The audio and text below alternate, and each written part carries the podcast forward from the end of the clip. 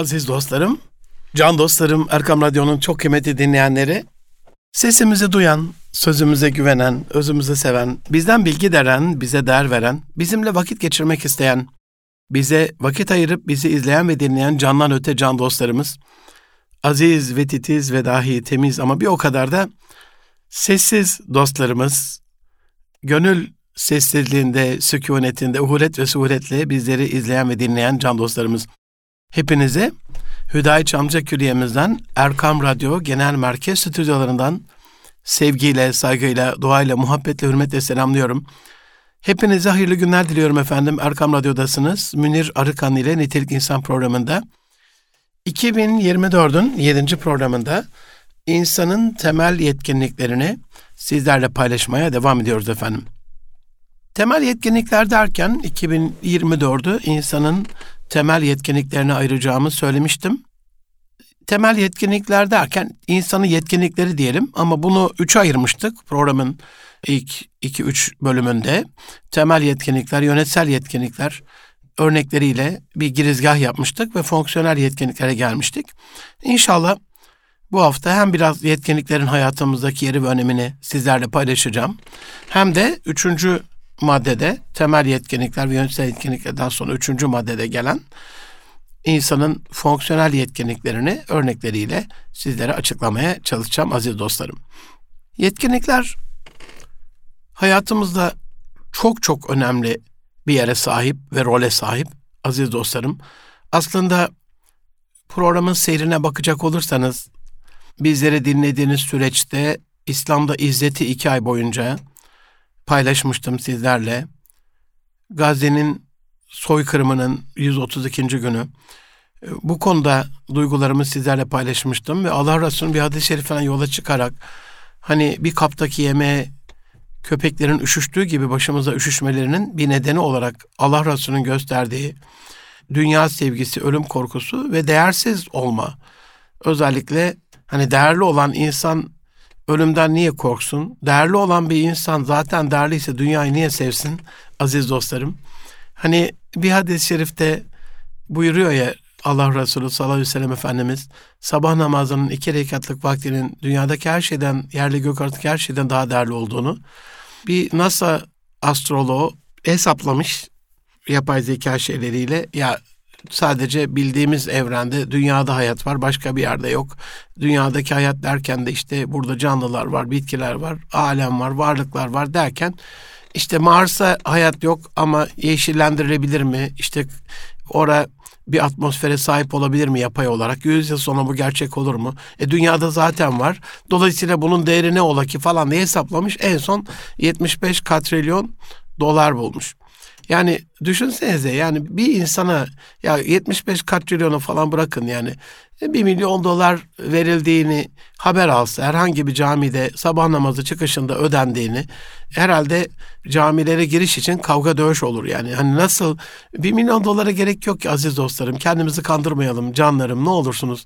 Yani bin lira daha ucuz alacağız diye bir ürünü mağazanın açılışında camların çerçevelerin yerle bir edildiğini gözlerimizde görüyoruz. Yani insan bu. Biraz daha ucuz almak hırsıyla böyle bir şey yapıyorsa bir milyon dolar almakla ilgili kim bilir ne yaparız. Ama işte ön safa geçmekle alakalı yine hadis-i şerifler var. Bilseydiniz yazı tura atardınız. Yani böyle kura çekerdiniz. Yazı tura o zaman yok ama kura çekerdiniz. Yani ben geçeyim ben geçeyim. Şimdi ikram ettiğiniz bir ön safla alakalı çok yıkıcı, öldürücü, ezici bakışlara maruz kalabiliyorsunuz. Ya da geçen Eminönü Yeni Camii'ndeydi. Yeni Camii'ndeydim. Yani kavga çıkacaktı neredeyse geçen çarşamba günü ikindi namazında saflara geçmekle ilgili. Yani içerideki halimiz bu dışarıyı hiç anlatmaya gerek yok zaten. Dolayısıyla hani dünyadaki en değerli şey zaten sabahleyin sabah namazında ona kavuşuyorsanız sadece sabah namazının sünnetinde bunu elde ediyorsanız farzı hangi duyguyla kılarsınız, namazdan hangi duyguyla çıkarsınız, o gün maişetinizdeki dünyevi hırsınız, dünya sevgisi, e, ne olur? Ya da zaten vecibeleri yapıyorsanız ölümden korkunuz ne olur?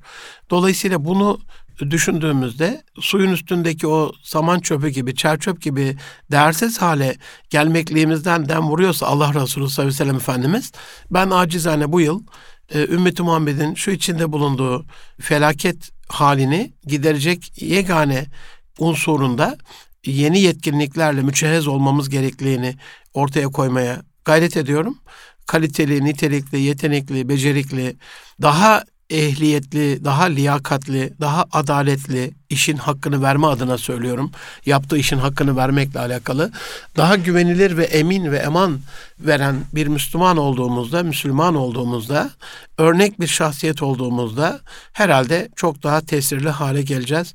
Aziz dostlarım o kadar yıkım, o kadar zulüm, o kadar soykırım, o kadar katliam var. Ama liyakat sahibi köşeler ya da işin köşe taşları liyakat sahibi kişiler tarafından tutulmuş ve bunlar da maalesef bizden değil. İş daha kameramandan, ışıkçıdan, senaristten, yönetmenden başlayarak ana komanda masası, oradaki bu işin editörleri, video editörleri, yorumcuları, habercileri, haber merkezleri, ajansları. Dolayısıyla bununla zihinleri dumura uğratıp manipüle ediyorlarsa daha oradan başlıyor iş. Hakikatler bütün gerçekliğiyle medyada yansımıyor, örtülüyor. Sosyal medya hesapları zaten onların. Dolayısıyla iş yine dönüyor, dolaşıyor. Sözü çok uzatmayayım girizgahta. Yetkinliklere geliyor. Yetkinliklerimizi artırmak lazım.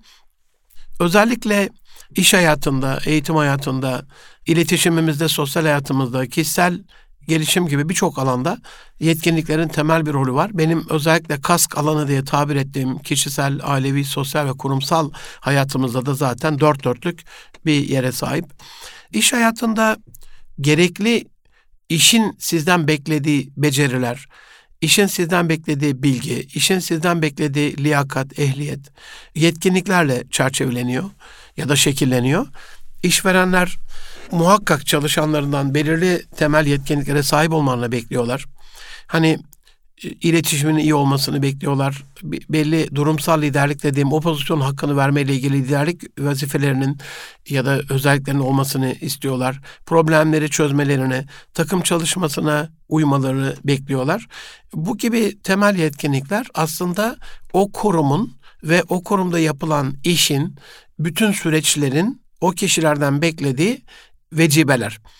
Dolayısıyla buna uyduğunuzda zaten talent management dediğimiz yetenek yönetimiyle de insan kıymetlerinin ana görevlerinden bir tanesi bu yetkinlikleri sürekli artırmak, o yeteneği sürekli yönetmek, daha cazip bir şirket haline gelerek, orayı bir cazibe merkezi haline getirerek yetenekleri oraya doğru çekmek, e, manyetizmasını, e, çekiciliğin cazibesini artırmak şirketin.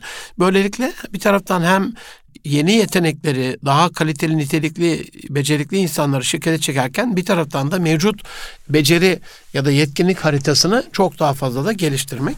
Böyle olduğunda iş performansı artıyor. Kişilerin de oradaki memnuniyeti arttığı için kariyerlerini orada devam ettirmekle alakalı fikirleri daha kalıcı hale geliyor. Biliyorsunuz iş dünyasının en büyük dertlerinden bir tanesi büyük bir emek sarf ederek üzerine yatırım yaptığınız, gelecek hayalleri kurduğunuz elemanların bir gün sonra işte olmayışı, çekip gitmesi 500 liraya, 1000 liraya, 2000 liraya, 3000, 5000, 10 bin liraya yerine göre, kendi pozisyonuna göre sizi tabiri caizse çalışan arkadaşlarım beni mazur görsünler satması. Böyle olduğunda da hani iş disipliniyle alakalı dünyanın en kadim geleneğini, ahilik geleneğini kuran ecdadımızın kemikleri sızlıyordur şu anda. Biz size böyle bir ülkemi emanet ettik diye. E, maalesef iş ahlakı dediğimiz şey, şimdi etik diyorlar biraz. Çok da etik olmasa gerek ama olsun yine de kullanılıyor. Ahlak ahlaktır. İş geleneği dediğimiz, işe olan adiyet dediğimiz, sorumluluk dediğimiz, emanete riayet etme, layık olma ve ihanet etmeme ile ilgili o kadim değerler dediğimiz unsurlara riayet edilmediği için gerçekten iş dünyası hani işsizlik yüzde yedi, yüzde sekiz arası işsizlik var deniyor. Ben Türkiye'de işsizlik olduğuna inanmayan bir kardeşinizim. Birçok kurumda executive coach e, olarak yönetici koçluğu yapıyorum. Aile şirketlerine kurumsallaşmalarıyla alakalı, aile anasalarıyla alakalı destek vermeye gayret ediyorum. Gördüğüm şu, ehil bir insan her yerde işi hazır ve İş sahipleri de, iş ortakları da, kurucular, girişimciler yana yana ehil insan arıyorlar. Dolayısıyla yine başa döndük. Gelin yetkinliklerimizi geliştirip daha kaliteli, daha nitelikli bir insan olalım. Ben acizane 31 Mayıs 2000'de başladım bu işe. 19. işim. Düşünen, konuşan, yazan bir Münir Arkan olmaya karar verdiğimde ilk yazdığım kitabım, birinci kitabım nitelikli insandı. Orada da niteliklere dem vurup iş hayatında, aile hayatında, kişisel hayatta, sosyal hayatta insanın 26 temel yetkinliğini okurlarımla paylaşmıştım. Hala da yayında olan bir kitap arzu edenler bir kişisel gelişim klasiği gibidir acizane. 26 alanda kendi kemalatınızı, gelişiminizi nasıl yapmanız gerektiğiyle alakalı size kılavuzluk yapmaya gayret ettiğim bir kitaptır. Sadece iş hayatında değil, temel yetkinlikler ya da yetkinliklerin hayatımızdaki yeri ve önemini anlatacak olursak, öğrencilerimizin akademik hayatlarında, okul başarılarında bazı temel yetkinlikleri elde etmeleri, kazanımları, edinimleri çok önemli. Mesela ilmi taliptir değil mi? Bizim kadim kültürümüzde öğrencinin ismi ilmi talep eden. E bunun için bir merakı olacak. Değil mi? Meraklı mı? Kafaya takıyor mu? Araştırma yapıyor mu? Analitik düşünüyor mu? Bağlantı kurabiliyor mu? Eleştirel okuma yapabiliyor mu? Öğrenme yeteneğini, tipini biliyor mu? Yazabiliyor mu? Not alabiliyor mu? 84'te ben ODTÜ'yü kazandığımda bir taraftan hani İngilizce bir eğitim gerçi bir yılda hazırlık aldık ama olsun. Bir de hocalar o dönem e, düşünün akıllı cihazların hiçbiri yok. Kağıt kalem yani sonuçta bir defteriniz bir kaleminiz var. Hızlı not almak zorundasınız. Acizane ben de hani notu iyi olan öğrenci arkadaşlarımın e, notlarımın peşinde olduğu bir öğrenciydim. Yıllar sonra görsel not alma tekniğiyle tanıştım. Ya dedim keşke o yıllarda bir tanesi ODTÜ'ye ilk girdiğimizde arkadaşlar bütün kelimeleri yazmak zorunda değilsiniz. Bazı sembollerle, bazı görsel efektlerle çok daha kalıcı, renkli kalemlerle çalışarak çok daha hafızada kalıcı hafızada kalabilen unutulmaz notlar alabilirsiniz diye keşke bize ders vermeden evvel dersi nasıl öğrenebileceğimizle alakalı bir eğitim verselerdi. Bunu çok önemsiyorum. Bu da bir beceri işte. Dolayısıyla öğrenme tipimizi bilmek, hızlı not almak, aldığımız notlardan sesli ya da görsel çalışabilmek, birlikte çalışabilmek. Yani öğrenme tipimizle alakalı bu da bir temel yetkinlik. Bazıları tipini, öğrenme tipini bilmediği için grup çalışması yapar, kafa dağılır. Bir türlü anlayamaz. Bazıları grup çalışmasına yatkındır. Tek başına çalışır. Halbuki iki arkadaşla beraber çalışsa çok daha hızlı öğrenecek gibi. Dolayısıyla öğrenme sürecini öğrencilerimizin, yavrularımızın destekleyen, ve gelecekteki başarına katkı sağlayan bir unsurdur yetkinliklerin eğitim hayatındaki rolü ve önemi ve yeri. Ben iş hayatında endüstri mühendisleri vardır mesela, yönetim danışmanları vardır. Özellikle ergonomik açıdan işte ısının, iklimlendirmenin, nemin, sıcaklığın, ışığın, oturduğunuz koltuğun, dışarıyı görme, ışığı, ışığa maruz kalma, bilgisayara bakma açınızın gibi gibi birçok ergonomik açıdan ve insani açıdan analizlerini yapıp iş verimine katkı sağlayan bir ana uzmanlık dalı olduğunu da biliyorum. Dolayısıyla hani yetkinlikler bazlı baktığımızda insanı ilgilendiren bağlantısallık sebebiyle bağlantıda olduğunuz her şeyin başarınızda bir yeri ve önemi var. Bunu bir temel yetkinlik olarak görüp geliştirmeniz başarınızı artırıyor. Aziz dostlarım Sadece iş hayatında, eğitim hayatında değil, kişisel hayatımızda, kişisel gelişimimizde de kendi potansiyelimizi, e, inner potential dediğimiz potansiyelimizi yükseltmek, maksimize etmek adına daha tatmin edici, daha mutmain olduğumuz, mutlu olduğumuz, huzurlu olduğumuz bir hayat sürmemiz açısından da çok önemli yetkinliklerimizin geliştirilmesi bir kere özgüvenimizi artırıyor. Özgüven de bir temel yetkinlik aslında başlı başına. Ama kişiler kendi özgüvenlerini, cesaretlerini, dayanıklılıklarını, pes etme eşiklerini nasıl geliştireceklerini biraz daha kendilerini tanı tanıyarak içsel bir yolculukta bunu anlayabiliyorlar. Belki bir e, SWOT analiziyle güçlü yönlerini keşfedip güçlü yönlere yatırım yapmanın yollarını öğreniyorlar ya da zayıf yönlerini geliştirmede, zayıf yönlerden kurtulmada bazı temel yetkinlikler kazanıyorlar. Bir taraftan bu özgüvenlerini artırırken bir taraftan kendilerini geliştirdikçe, yetiştirdikçe kendilerine olan öz saygılarını artırıyor. Böylelikle de yaşam kalitesi yükselmiş oluyor. Bu yetkinlikleri şöyle düşünebiliriz aslında aziz dostlarım. Hani niteli nitelik katıyor mu insan? Yeteneğine yetenek katıyor mu? Özelliğine özellik katıyor mu? İki gün eşit olan ziyanda ise bir kere mücbiriz. Yani yetkinliklerimizi geliştirmekle alakalı kariyer patinajı yapmamamız gerekiyor. Bir arabanın kumandası olduğunu düşünün aziz dostlarım. E, bu kumanda manuel olabilir değil mi? Eski 20-30 yıl önceyi düşünün. Uzaktan kumandalar yokken gidiyorsunuz. Kilidi anahtar deliğine sokuyorsunuz ve açıyorsunuz çevirerek.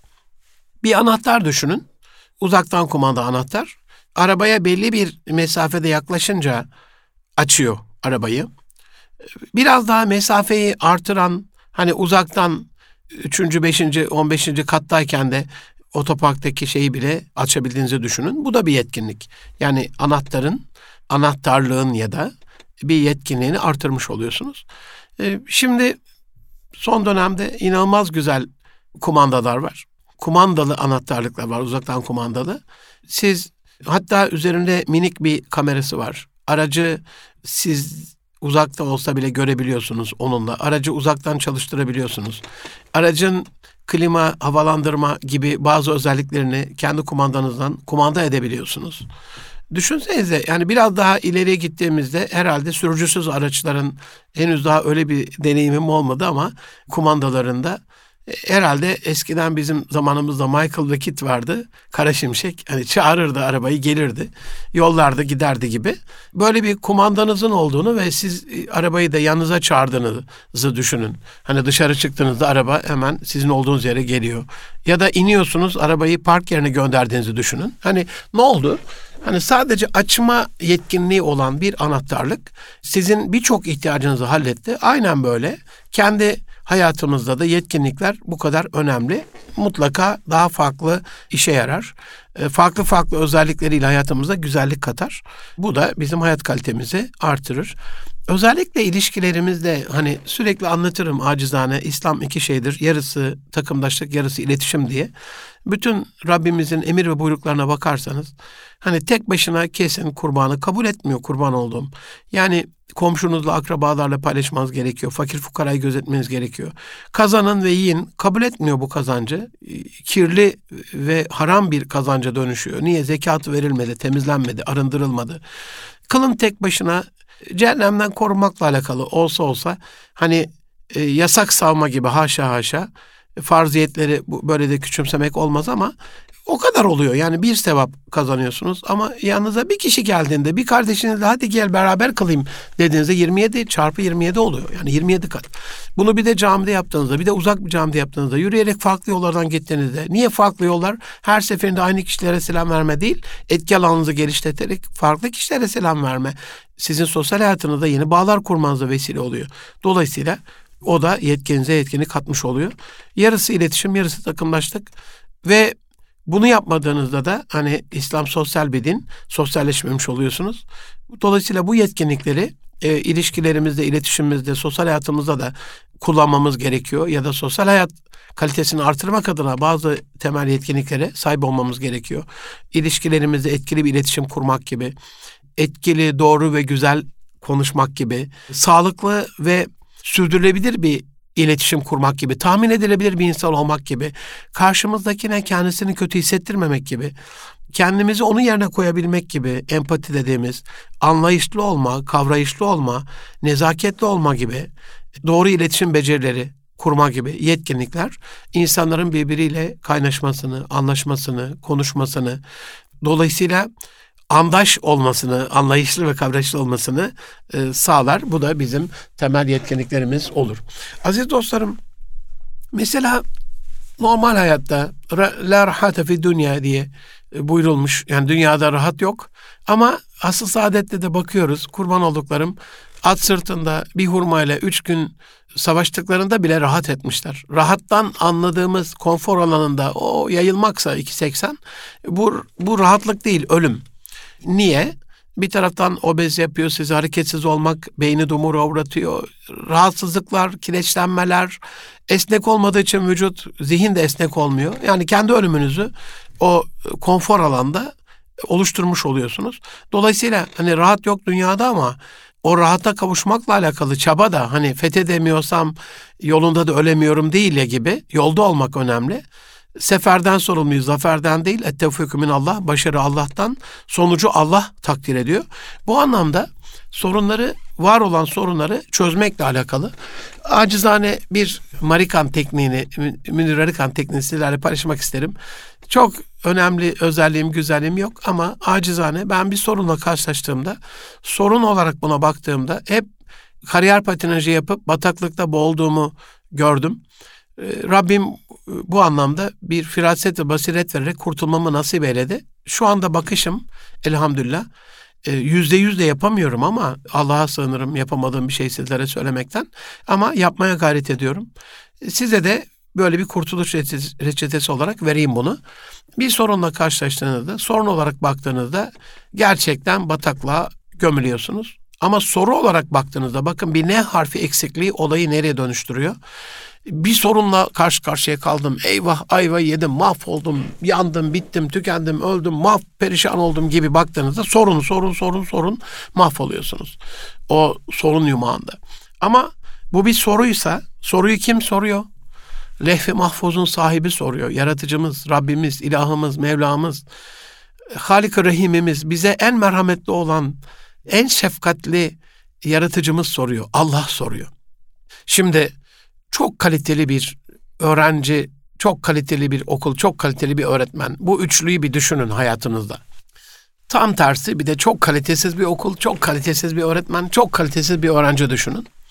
Bu iki kurumun öğrencilere olan sorularında nasıl bir farklılık olur sizce? E ben şahit oldum korona döneminde çocuklarım evdeydi. Üniversite hocalarımız tenzih ederim hak edenlerini ama hak etmeyenleri de buradan eleştirme hakkımız olsun internetten copy paste'le, kopyala yapıştırla çocuklara soru soran çok kalitesiz profesörlere şahit oldum.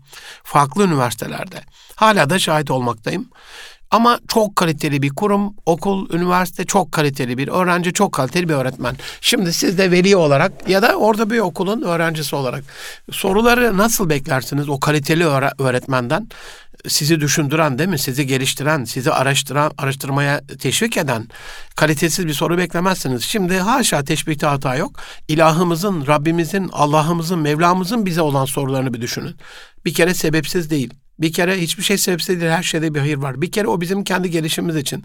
Bir kere bizim kalitemizi daha fazla artırmak için. Bir kere bir kere bir kere çok kere sonsuz sebebi vardır. Hikmetinden sual olmaz. O soruyla bizi karşı karşıya kaldırıp muhatap kıldıysa mutlaka bizimle alakalı bir Rabbimizin isteğidir o. Dolayısıyla o soruyu çözmeyle ilgili uğraştığımda bir de o soruya güzel bir muameleyle karşılık vermeye gayret ettiğimde sorundan kurtulup soruyu çözerek derece e, atladığımı hissediyorum sanki. Haşa yani bunu manevi anlamda bir derecemiz falan yok ama kendi namıma söylüyorum. Kendi içimdeki duygu anına. Ama sorun diye bakım baktığımda da niye bununla karşı karşıyayım? Şimdi yerime zamanıma hep üst üste geliyor. Haşa haşa haşa. Bu hayatımdan uzun yıllar önce çıkarttığım bir kelimedir üst üste gelmeyle alakalı. Arada da anlatırım size başka bir programda inşallah değinirim. Bu kelimeyi lütfen siz de kullanmayın. Aziz dostlarım yetkinliklerin hayatımızdaki yeri ve önemini, hayatımızdaki geliştirici rolünü sizlerle paylaşıyorum. Kısa bir ara vereceğim. Az sonra yeniden görüşmek üzere efendim.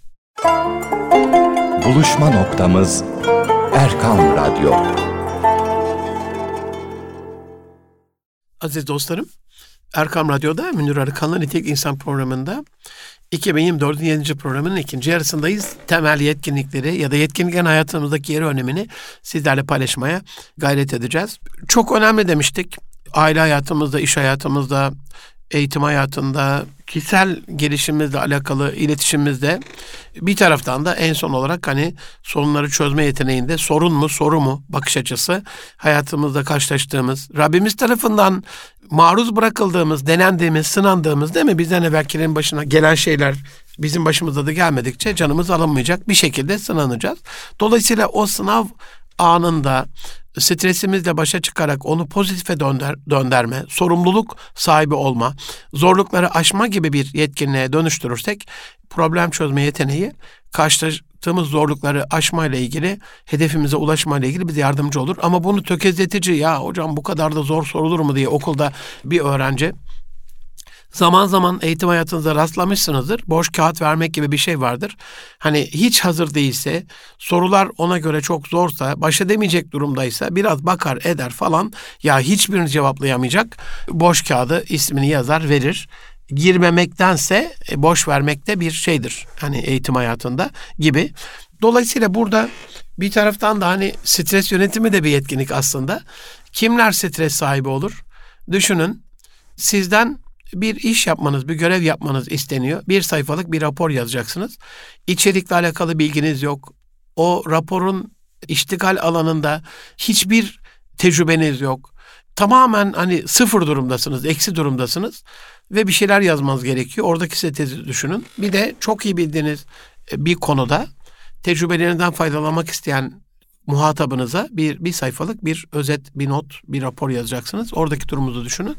Dolayısıyla hani diyorlar ya şans fırsatlarla hazırlıklı olarak karşılaşmak. Burada da hazırlıklıysak hani olmak, bulmak, kalmak diye benim e, bir üçlemem vardır ya. Olma küpünü doldurmamız gerekiyor. Bulmak ve kalmak Rabbimizle alakalı onun lütfu, ihsanı. Aynı rızık gibi. E, er rızku alallah.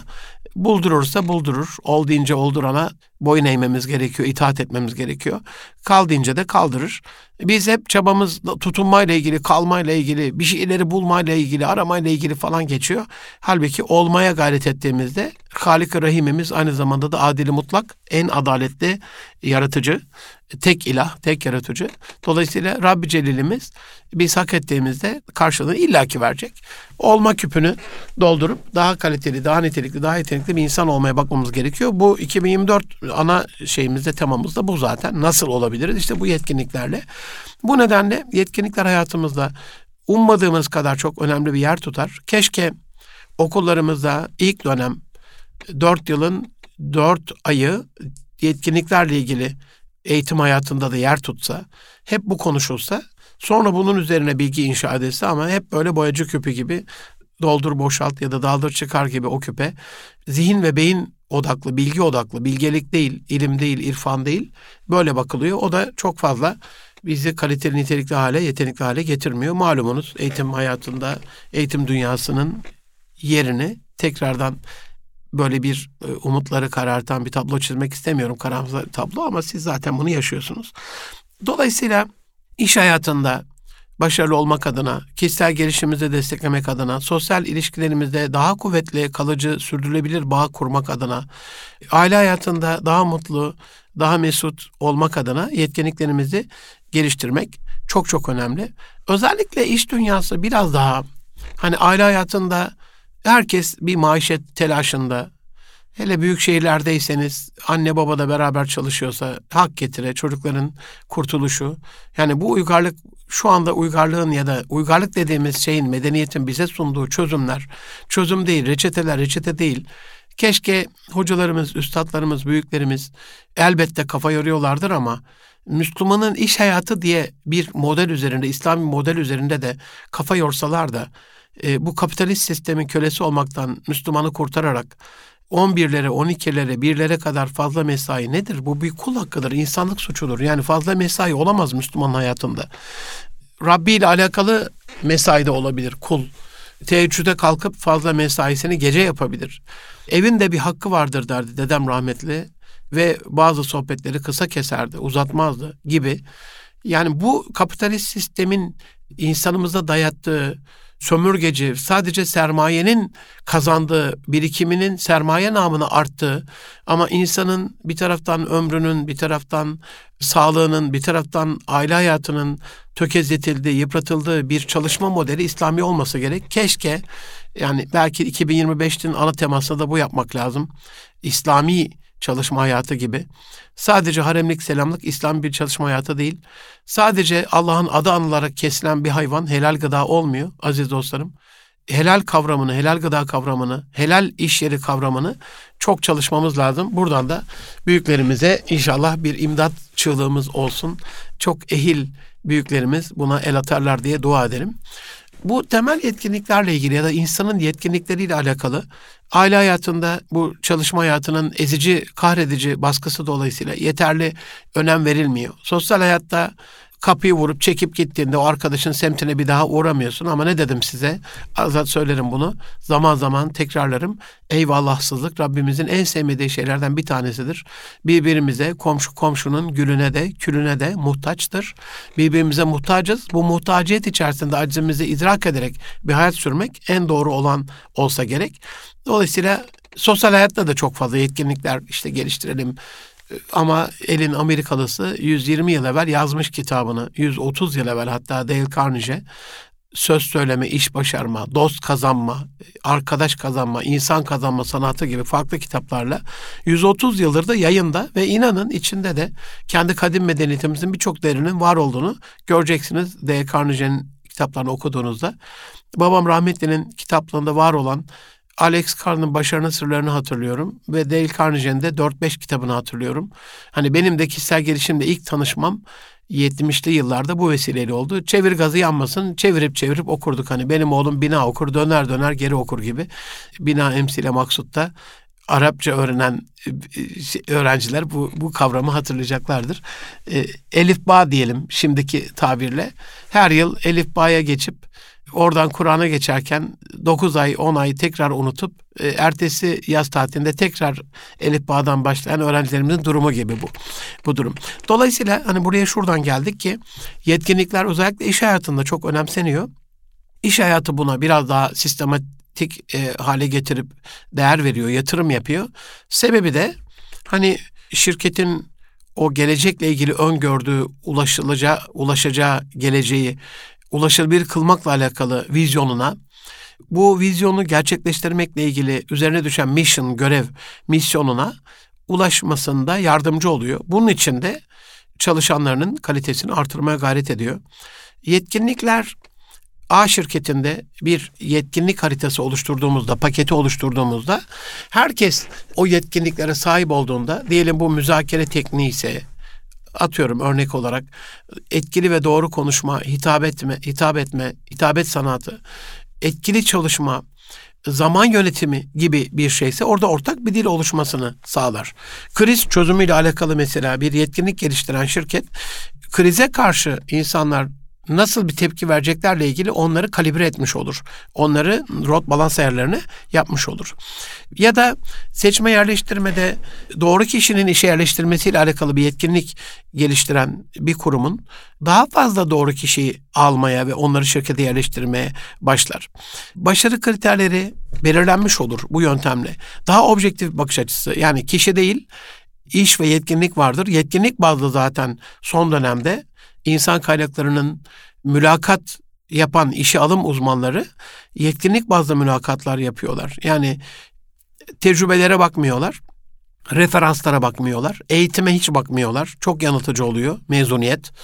Yani bu şu demek. A üniversitesinden çıkan bütün elemanlar 10 paketlik şu yetkinliklerin hepsini kazanırlar. Böyle bir şey asla ve asla olmayacağı için 50 bin mezun veriyorsa 50 bin farklı insan var. İşte insan kaynakları da son dönemde özellikle yapay zeka destekli mülakat tekniklerinde e, belli algoritmalarla insanın doğru söylüyor olabildiğini ya da belli algoritmalarla hangi temel yetkinliklere sahip olup olmadığını insanı da aradan çıkarak eleçlemeyi ya da görsel imajı değerlendirmeyi, duyguyu aradan çıkartarak tamamen robotik bir şekilde yapay zeka ile yapmaya gayret ediyor. Objektif bir bakış açısı çünkü burada çok önemli. Bir taraftan da yetkinlikler iş dünyasında hani kişilerin gelişimleriyle alakalı, o işlerini daha düzgün yapmalarıyla alakalı o pozisyondan beklentilerinin netleştirilmesini sağlaması açısından çok önemli. Eğitim ihtiyaç analizi yine hakeza e, yapılıp talent management demiştim ya yetenek geliştirme ile ilgili hangi eğitimleri vereceğiz? İhtiyacımız ne? Ya da çalışanlarla ilgili en büyük kritik şeylerden bir tanesi performans değerlendirmesi oluyor. Rabbim gibi ölçem mi var? Haşa. Nasıl muktedir olabiliriz onu yapmaya? Ve men ya'mel miskale zarratin hayran yara ve men ya'mel miskale zarratin şerran yara. Her kim ki havada uçuşan toz zerresi kadar bir iyilik yapsa onu terazide bulacak. Her kim de kim ki havada uçan o toz zerresi kadar bir partikül, bir molekül kadar bir kötülük yapsa onu terazide bulacak. Yani ölçümleme bu kadarsa tam adalet işte yani. Onun bile bir değeri varsa, bir kat sayısı, bir etkisi varsa Rabbim bizi mahşerde muhafaza etsin, rahmetiyle bize tecelli etsin. Yoksa amellerimizle girecek durumda değiliz cennete. Cennetine bizi dahil eylesin, ilhal eylesin inşallah. Amin. Aziz dostlarım, beklenen yetkinliğe sahip kişiler işe yerleştirildikçe şirketteki duygusallık, duygu yüklü olmayı kastetmiyorum. Duyguya bağlı, strese bağlı, kişileri önemseyen ya da ön yargılı bakış açısıyla subjektif bütün ilişkiler yok olacaktır. Ve dolayısıyla bu yetkinlik bazlı bakış açısında da şirket çok daha iyi bir hale gelecektir. Özellikle bu yetkinlik bazlı mülakatla alındıysa insan kıymetleri böyle bir iş gücü tam olarak meç edeceği için, örtüşeceği için o kurumun performansını ve rekabet gücünü artıracaktır. Hani bizim ne ihtiyacımız var? Aile şirketlerinde çok sık gördüğüm bir şey. Bizim çok kaliteli bir yöneticiye ihtiyacımız var. Ya kaliteli yöneticiye şimdi güven olmaz. Profesyonele güven olmaz. El elin eşeğini affedersiniz türkü söyleyerek çağırır gibi kaygılarla aileden birini oraya getirmek e, liyakatlı değil işte. Emniyette değil. Ehil değil. Onu oraya koymanız adaletli değil her şeyden evvel. Bir de aileden birini oraya getirdiğiniz görüldüğünde kariyer planlama ne olacak? bütün profesyoneller ya zaten koltuklar burada pay edilmiş. Benim bu şirkette bir geleceğim yok diyerek aidiyeti de yok etmiş olacaksınız. Size daha kaliteli bir insan kıymeti akışının da önünü kesmiş olacaksınız. Allah korusun bu da sizin rekabet gücünüzü yok edecek. Dolayısıyla yetkinlikler yani yetkinlik bazlı bir bakış açısı şirketin gelişim ihtiyaçlarının çok net bir şekilde tespit edilebilmesini sağlar. Yani ben hangi işi yapıyorum ve bu işin yapılmasıyla alakalı şöyle düşünün. Hani bir çöl gezisi yapacaksınız. Herhalde bununla alakalı dayanıklı bir araç istersiniz değil mi? 4x4 istersiniz, yüksek bir araç istersiniz, deposu çok daha yüksek kapasitede bir araç istersiniz, içeride klimatize edilmiş, kliması çok güçlü bir araç istersiniz, yalıtımı çok iyi olmuş, kum fırtınasında içeriye o havayı kumu sızdırmayacak bir araba isterseniz gibi gibi. İçerisinde işte yiyecek, mahsur kalmaz durumunda ulaşım, haberleşme gibi. İşte bu yetkinliği yani arabanın temel yetkinliği. Aynen öyle. İnsanların da o o şirketteki bütün iş temelli her pozisyona, her göreve, her fonksiyona özel yetkinlikleri ön plana alarak kişiselleştirmeden duyguyu ön plana çıkartıp kayırmayı ya da bizden olsun gibi bir şeyle ehil olmayanı getirmekten kurtulmadan şirketin beli doğrulmayacak. Bu anlamda e, yetkinlik bazlı baktığımızda, yetkinlikleri önemsediğimizde, hayatımızda bunu ön plana aldığımızda bütün seçme yerleştirmeler daha tutarlı ve şeffaf olacaktır. Bunu gören çalışanların da motivasyonu hani burada kayırmaca yok gibi bir şey olduğunda adalet de yayılacağı için bütün organizasyona çalışan motivasyon da artacaktır. Performans doğru değerlendirdiği için inanın aidiyet de orada artacaktır. Yetkinlik bazlı baktığımızda yetkinlikler eğitimlerin davranışlarla ilişkilendirilmesini sağlayarak herkesin yetkinliğinin ölçülebilir hale geldiği ve üzerine sürekli koyarak dünden bugün daha iyi olmayla ilgili bir vizyon kazandıracaktır. Her pozisyonun sahipleri mi diyeyim, emanetçileri mi diyeyim, oradaki davranışını yapan ya da etkinliğini yapan, eylemini yapan, aktivitesini yapan pozisyonda kişilerin doğru tanımlanması ve doğru yerleştirilmesi sebebiyle orada biraz daha koçluk, biraz daha kılavuzluk, biraz daha yol arkadaşlığı ve yarenlik kariyerimize rehberlik edecektir. İnsanları daha mutmain kılacaktır. Böyle bir kurumda iletişim de çok güçlenecektir. Yetkinliği temeli aldığımızda, merkeze aldığımızda doğru işe doğru eleman değil mi? Bu ilkede yerini sağlamlaştıracaktır şirkette. Özellikle kişilerin hani ben neyim, kimim, sorgularını doğru bir şekilde yapmalarını sağlayacaktır. Nereye gitmeliyim konusunda onlara rehberlik yapacaktır. Kişisel gelişimleriyle ilgili bir yön belirleme yardımcı olacaktır. Ve bunu düzgün doğru yapan biraz şey yaptım böyle imtina ettim nasıl söyleyebilirim diye ama çok sık karşılaştığım bir kurumsal hata. Bakıyorsunuz çok güzel bütçeler kullanılmış, çok inanılmaz güzel hocalar çağrılmış, iyi eğitimler verilmiş. Peki bu benim ihtiyacım mı? Yani düşünün tek başına çağrı merkezinde çalışan bir arkadaşa takımdaşlıkla alakalı ya da risk yönetimiyle alakalı bir eğitimi vermek ya makine başındaysa evet verelim. İş sağlığı güvenliği ile alakalı ihtiyacı şu anda onun sadece telefonda etkili ve doğru konuşmaya, zamanı doğru kullanmaya, sesli sinyalleri doğru algılamaya yani telefonda işin kritik şifresi telefonda yani. O sürekli hayatı telefonda geçiyor. Şimdi biz orada kulağı iyi duymayan birini alıyoruz ya da gözü çok iyi gören birini alıyoruz. Ya o yetkinlik orada işe yaramayacak yani. Onun için hani kişisel gelişimimiz namına ha diyeceksiniz hocam nasıl bir hata görüyorsunuz burada? İşte laf ola beri gele. Sükse bu eğitim aldım, şu eğitim aldım. Hatta bir holding patronu e, sahibi hocam demişti. Yani koruma kalkanı gibi kullanıyorlar. Eğitim sertifikasını alıp utanmasalar göğüslerine asacaklar yani tabela olarak, çerçeve olarak kullanıyorlar. Çok üzgünüm. Tenzih ediyorum dürüst çalışma arkadaşlarımı. Bunu diğer şirkete sıçramayla alakalı üstelik benim yatırımımla, benim kaynaklarımı kullanarak e, yatırımı bana yaptırıp öbür şirkete sıçramayla alakalı işte şu şu şu eğitimleri aldım. Ya bir de şeydir yani kul hakkıdır yani vebaldir. O eğitim alayım, bu eğitim alayım. Zaten burada da benim kalmayacağım belli. Kalmayacağım da zaten. E, o, o çalıntı oluyor yani. Çalıntı mala borç ödenmez aziz dostlarım. Mutlaka aziziniz intikam, intikamını alır. O zaman da ne yapacağınızı ya da ne durumda olduğunuzu bilemez hale gelirsiniz. Allah korusun. Burada yetkinlikler hem bir gelişim için yol haritası, yön belirleme hem de çalışanlarımızdan ne, ne tür davranışlar beklediğimizi net olarak ortaya koyması açısından da çok önemli bir mihenktir yani. Hem kurumsal anlamda hem bireysel anlamda hem aile ve sosyal anlamda 360 derece geri besleyeceği için performansa da katkı sağlar. Daha adil ve doğru değerlendirme yapılmasına da katkı sağlar. Kendi kendimizi doğru ölçmemiz, tartmamızla alakalı da bütün e, kariyer planlamasında bize katkı sağlar. Can dostlarım, aziz dostlarım, yetkinliği hayatımızın temelini aldığımızda, hayatımızın bütün alanlarında özellikle insanın da kendinden bir beklentisi vardır. İnsanın da hani ben acizane nitelikli insanda bu yılın ana temasını yetkinlikler olarak tespit ettim. Ee, siz de her yılın bir ana temasını belirleyip bu yıl ne yapmam gerekiyor? Bu yıl ben kendimden ne bekliyorum? Hayat benden ne bekliyor? Ailem, kurumum, sosyal hayattaki arkadaşlarım, dünya, e, Türkiye, yaşadığım şehir ve bölge benden ne bekliyor gibi böyle bir ölçme değerlendirme yapar, kendinizi tartarsanız dolayısıyla kalıcı başarı ölçütlerinin açıkça ortaya çıkmasını sağladığı için tanımlanmasını sağlaması bile hani netleştiriyorsunuz da yazılı hale getiriyorsunuz da inanın yüzde altmışını halletmiş oluyorsunuz. Yazılı hale getiriyorsanız bir kere beyin yüzde elli altmış rahatlamış oluyor. Ben iş dünyasında en temel sorunlardan bir tanesi olarak görüyorum. Yani çalışanlar kendilerinden ne beklendiğini net olarak bilmiyor. Şirket sahipleri de o çalışanın şirkete katkısının ne olacağını tam olarak bilmiyor. Halbuki nedir ana kural işletmelerle ilgili? Alırken çok yavaş almak, çıkartırken çok hızlı çıkartmaktır.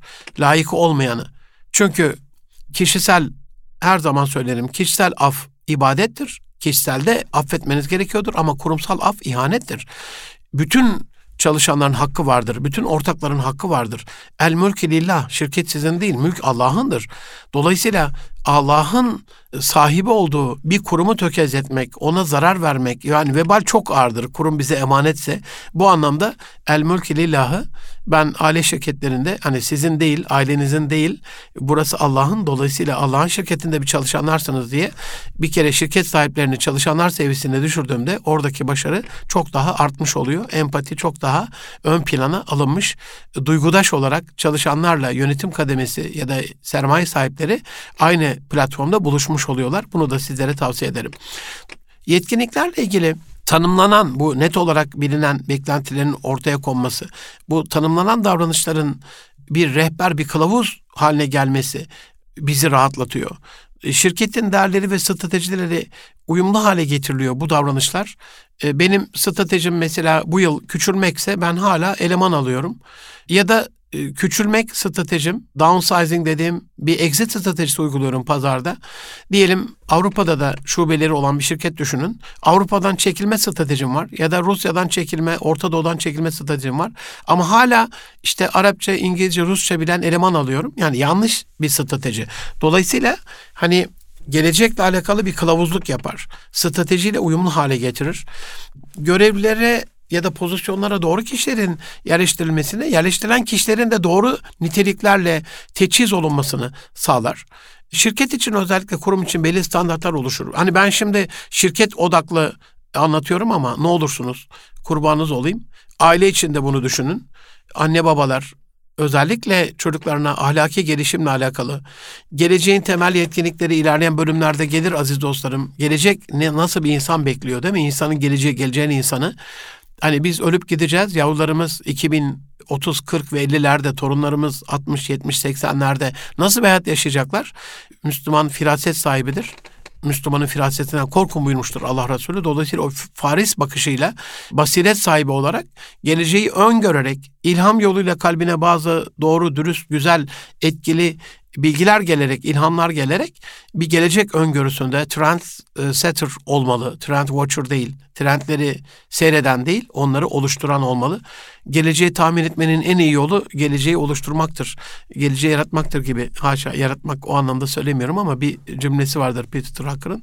Bu anlamda gelecekle ilgili bir çaba gerekiyor. Yani bu sadece iş dünyasında değil, e, aile hayatında da, sosyal hayatta da, kendi kişisel hayatımızda da yetkinlikleri temele alıp ihtiyaçlarımızı net olarak bilip hangi temel özelliklerle, güzelliklerle ihtiyacım nedir'i analiz ettikten sonra ortaya koyup ve o standartlara ulaşmakla ilgili e, performansımı artırmam gerekiyor.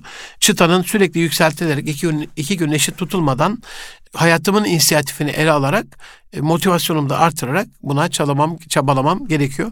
Can dostlarım aslında fonksiyonel yetkinlikleri anlatıyla giriş yapacaktım ama üçüncü parçasında altıncı programda sizlerle bunu konuştuk biliyorsunuz. Yani temel yetkinlikler dedik, yönetsel yetkinlikler dedik. Bu anlamda diyordum fonksiyonel yetkinlikler 3 numarada buna da bir girizgah yaparım ama yetişmedi. E, yetkinliklerin hayatımızdaki yeri önemini böylece anlatmış oldum. Arada yine değineceğim. Gelecek hafta bu fonksiyonel yetkinliklerden devam ederiz. Ben Deniz Münir Arıkan, Arkan Radyo'da Nitelik İnsan programının sonuna geldik. Gelecek hafta inşallah hayatımızda yetkinliklerin rolü, önemi, e, özellikle fonksiyonel yetkinliklerde functional e, dediğimiz o yetkinliklere kavuşmayla alakalı sizlerle bilgi paylaşmaya gayret edeceğim. Haftaya görüşünceye kadar hoşça kalın. Allah'a emanet olun efendim.